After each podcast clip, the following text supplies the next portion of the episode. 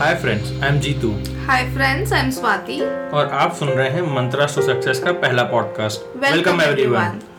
तो दोस्तों मैं आपको बता दूं मैं और स्वाति को फाउंडर्स हैं एक स्टार्टअप के जिसका नाम है mantra to success consultants mantras to success एक कोशिश है जिसके जरिए हम अपॉर्चुनिटीज को स्किल सेट से मिलाने की ट्राई करते हैं we become the official recruitment partner of the corporates and manage their man power requirements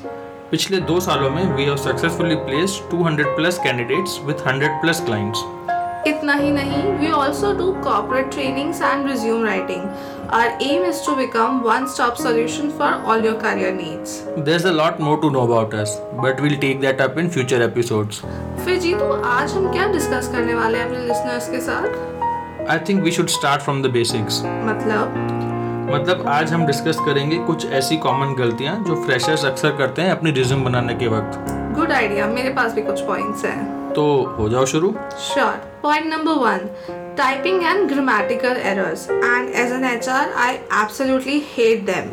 freshers को ये समझना पड़ेगा कि आपका रिज्यूम आपका पहला इम्प्रेशन है and even in 2020 first impression is the last impression a resume represents you in front of the HR और इतने सीरियस डॉक्यूमेंट में भी अगर आप गलतियां करते हैं तो ये आपकी केयरलेसनेस दिखाता है trust me nobody wants a careless employee yes this shows that you don't pay attention to the details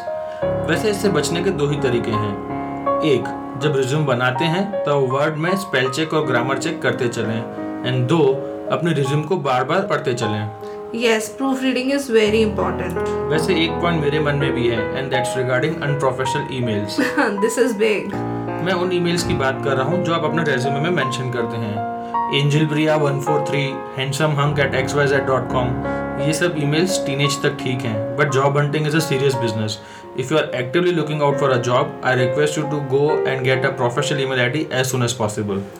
I agree on this. Ideally, your email ID in the resume should be your first name and last name. और वैसे Jeetu रोज के almost सौ resume देखते हो yes कभी कभी ज़्यादा भी तो ऊपर ऑब्जेक्टिव जैसा कुछ नोटिस किया है हाँ नोटिस भी किया है और इग्नोर भी 99% of the objectives are very generic and they are copied from the internet objective is a way to tell the HR what you want to do people write I want to join a growing organization and contribute to its success by becoming an innovative person and etcetera etcetera better write how you can contribute to the organization just plain simple words में लिखिए I want to be a dot net developer और I want to be a content writer with a specialization in jingle writing बिल्कुल सही बात है एक और चीज़ है जो मुझे बहुत अनॉय करती है वो क्या it's lack of information and missing contact details भाई कैसे कॉन्टैक्ट को जब आपका नंबर ही गलत है या है ही नहीं गलत कॉन्टैक्ट डिटेल्स तो समझ गया लेकिन लैक ऑफ इंफॉर्मेशन से तुम क्या कहना चाहती हो लैक ऑफ इंफॉर्मेशन से मेरा मतलब है अगर करियर में गैप है कोई ब्रेक है या किसी सब्जेक्ट में बैक है वो मेंशन करना बहुत इंपॉर्टेंट है आपका year of passing school and year of passing graduation is a must on your resume lack of information से एक और चीज़ याद आई people write too less about things that matter जैसे जैसे कि किसी ने इंटर्नशिप की है तो उसने उस इंटर्नशिप में क्या सीखा किसी ने कोई प्रोजेक्ट वर्क किया है तो उस प्रोजेक्ट में कितनी टीम साइज थी उस प्रोजेक्ट में उनका इंडिविजुअल कंट्रीब्यूशन क्या था ये सब बताना बहुत ज़रूरी है आई एग्री एज रिक्रूटर्स को ये समझ में आता है कि you are a good individual contributor और a good team player writing too less hmm, से एक और पॉइंट याद आया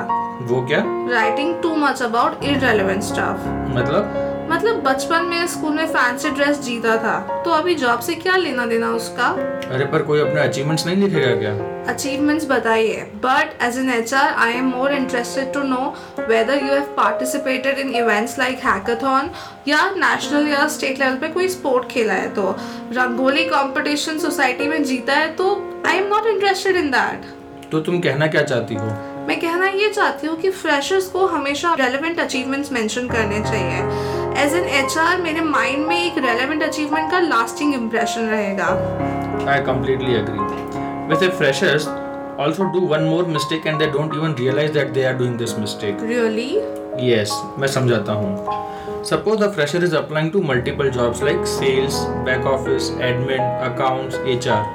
हमारे भोले फ्रेशर्स इन सारी जॉब्स को एक ही रिज्यूम से अप्लाई करते हैं without even realizing that each job requires a different skill set in the potential candidate. So freshers, I request you अगर आप multiple jobs के लिए apply करते हैं तो create multiple resumes highlighting each specific skill set for the job that you are applying to.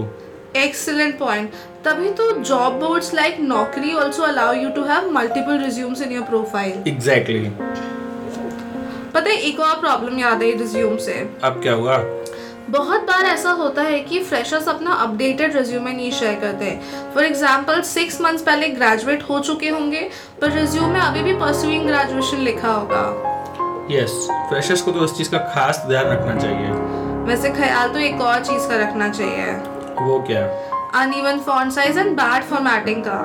Oh, I can totally see that coming. Agreed. अगर आप किसी क्रिएटिव फील्ड के लिए अप्लाई कर रहे हैं जैसे कि graphic designer then it's okay to take some creative liberties but if you are applying for a generic job role please be careful कि आपका resume is it should be formatted absolutely neat and clean and proper formatted exactly exactly. But एक और problem है अब क्या usage of irrelevant keywords समझी नहीं अरे मतलब usage of words like dynamic personality good sense of humour go getter self motivated etcetera etcetera this should be remove from the resume immediately but ये तो पॉजिटिव कीवर्ड्स है ना yes हैं तो पॉजिटिव keywords but these are basic minimum requirements of potential candidates you are expected to be all these things when you are applying for a job हम्म I got it now अच्छा what's the next point on your mind